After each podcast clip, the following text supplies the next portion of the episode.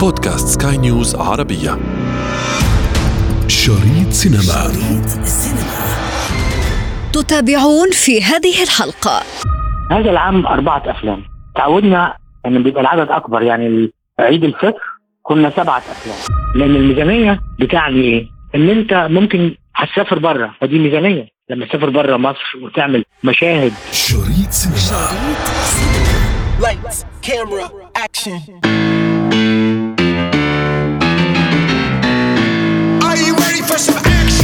عندما أشاهد أفلام العيد دائما أتساءل لماذا لا تبقى جاذبية البعض من تلك الأعمال في قلب المشاهد لفترة أطول؟ لماذا تقتصر فقط على فترة الذهاب إلى صالة السينما ومشاهدة ذلك الفيلم؟ وبمجرد انتهائه سيختفي تماما ذلك الشعور الذي اعتراك من البداية كأنها خيبة أو لا أستطيع أن أصفها بدقة سأترك الأمر لكم.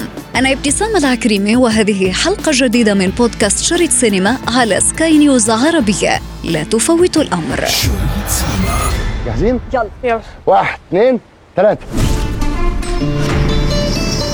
يا روبي. إيه يا ولجة صباح الخير يا دكتور. محمد صلاح بيتمرن. يا بابا. حبيبة أبوها. لما صدقت عودت عندي على دنيا جديدة. أربعة أفلام فقط تتنافس فيما بينها لموسم العيد. سنبدأ حديثنا بفيلم بيت الروبي. البطولة للنجم كريم عبد العزيز. النجمة اللبنانية نور وكريم محمود عبد العزيز. أما الإخراج فلبيتر ميمي إبراهيم الروبي إيمان الروبي شريف وشمس. The روبيز يا بوب يا جامد. عمك إيهاب ما يطيقش الأفراح. يا سلام أنا بحب الأفراح. ضمن إطار كوميدي يعالج فيلم بيت الروبي قضية تحكم مواقع التواصل الاجتماعي في العديد من الأمور الحياتية وانتشار مسمى مهنة ال influencer بقوة خلال السنوات الأخيرة. وذلك من خلال زوجين تسببت ال social media في أزمة كبيرة في حياتهما. ما جعلهما يبتعدان عن القاهرة للعيش في طابة وبعد عودتهما إلى القاهرة. للانتهاء من بعض الأوراق يقرران مواجهة المجتمع وتخطي أزمتهما. ولكن تعود ال social media من جديد للوقوف أمامهما من مصر الناقد الفني طارق الشناوي. السنة دي بدأ قبل العيد حتى بقليل. فيلم بيت الروبي بأسبوع تقريبا بدأ عرضه تجاري. يعني لم ينتظر العيد وجايب أرقام الحقيقة مرتفعة. وحتى في العيد بدأت ال- الأرقام تقول إنه بيت الروبي جايب إيرادات عالية. بس أنا بتصور إنه تامر حسني وتاج بالتجارب السابقة لاسم تا- تامر الجاذب لجمهور العيد. وأحيانا ما بعد العيد أيضا ربما نلقى طفرة نجد طفرة في الأرقام. كان في فيلم بتاع أمير كرارة بعبع البعبع.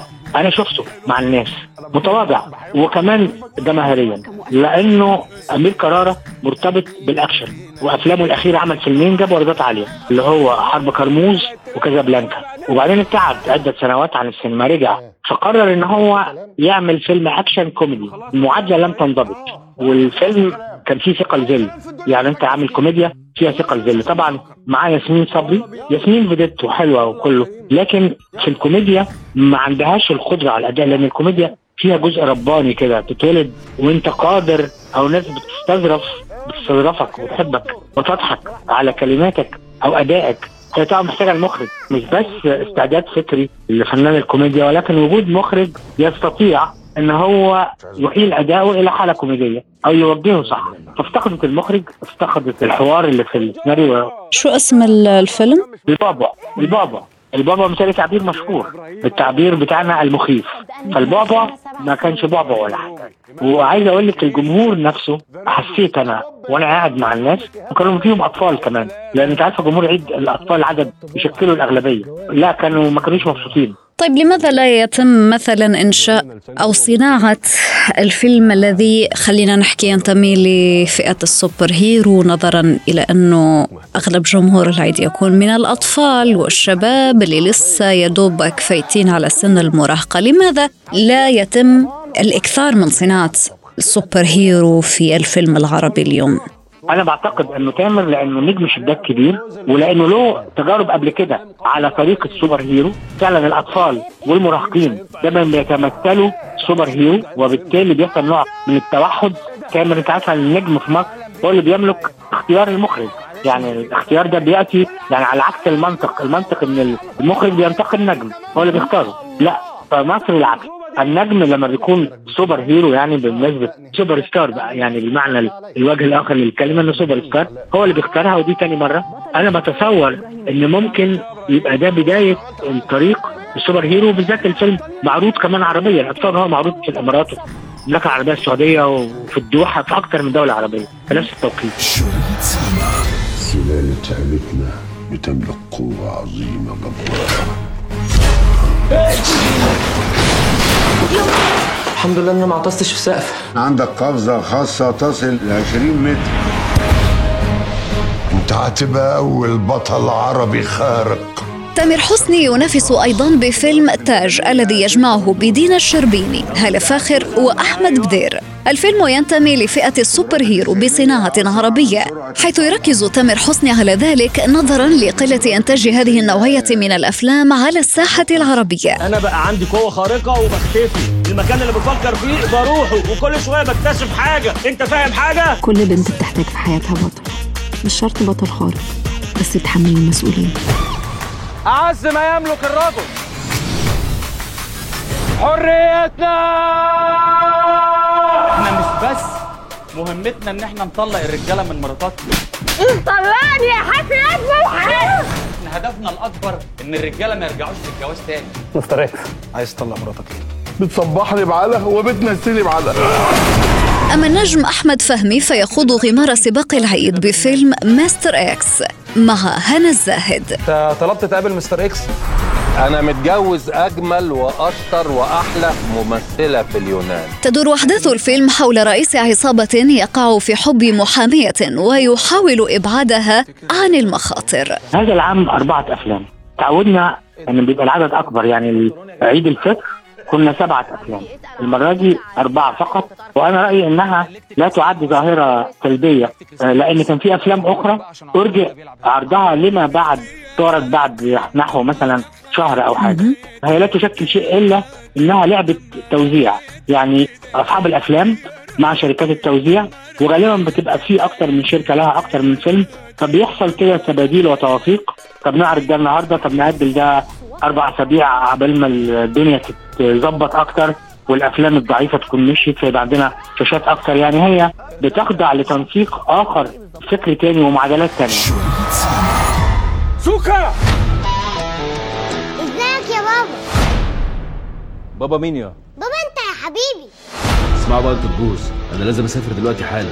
حضرتك مسافرة؟ آه لا ده أنا مسافرة بعثة.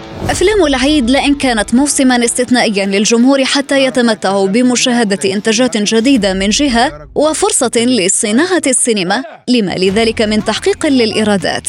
إلا أن أغلب هذه الأفلام لا تدوم طويلا في قلب المشاهد وهو ما يطرح تساؤلات كثيرة. جمهور العيد جمهور استثنائي. أنا عاده بروح السينما مع الجمهور ما بحبش العروض الخاصه. انت عارف الفاصل في مصر منتشره جدا. قبل عرض الفيلم تلاقي فيها عروض خاصه للافلام الصحفيين والاعلاميين. أنا ما بحبش ده. فبحضر مع الناس. جمهور العيد ده جمهور واخد العيديه وبالنسبه له السينما طقس استثنائي. ما بيروحش كل أسبوع السينما لا ده هو من العيد للعيد. يعني في السنة مرتين ولا حاجة بيروح السينما لما بيبقى متوفر معاه فلوس العيديه طيب هل جمهور العيد له ذوق خاص؟ الاجابه نعم له ذوق خاص وله نوعيات يفضلها. هو يفضل الضحك بداية ويفضل الأكشن.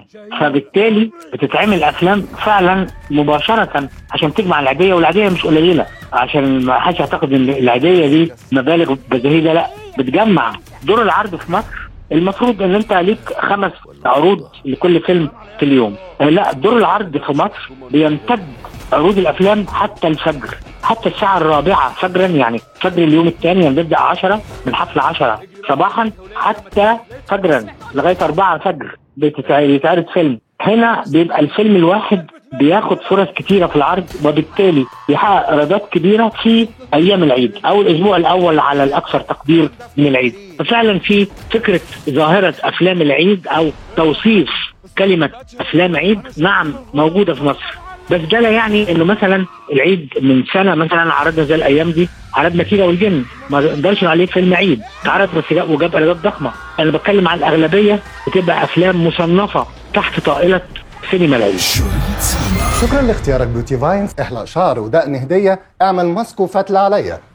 ده ده مجنون مش حلاق. قد يفتح لنا المجال من خلال موضوع اليوم للحديث عن ميزانية إنتاج الأفلام وعن تأثيرها وعن مدى الربح الذي تعود به على صناعها وأيضا على مدى ديمومة الفيلم وتحوله إلى أيقونة سينمائية. طبعا هو يستحسن ده وحتى على المستوى المادي المكسب الخسارة. المفروض المنتج يفكر فيما بعد العيد. هتكسب أكتر لو فيلمك عاش داخل دور العرض أسابيع أطول. هتكسب أنت أكتر. ولكن خلينا صراحة ان في أفلام بطبعها ميزانيتها قليلة. الميزانية هي التي تتحكم في عمر الفيلم؟ جزء منها. لأن الميزانية بتعني إيه؟ إن أنت ممكن هتسافر بره فدي ميزانية. لما تسافر بره مصر وتعمل مشاهد في دبي أو في لندن أو في فرنسا أو مع العملة الصعبة وأنت عارفة إنه في مشاكل في العملة الصعبة كتيرة تكلفة زادت.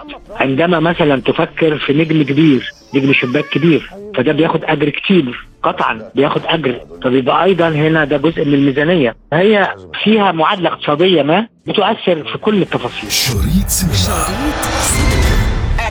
انتظرونا أفلام جديدة في شريط سينما. شريط سينما. شريط سينما.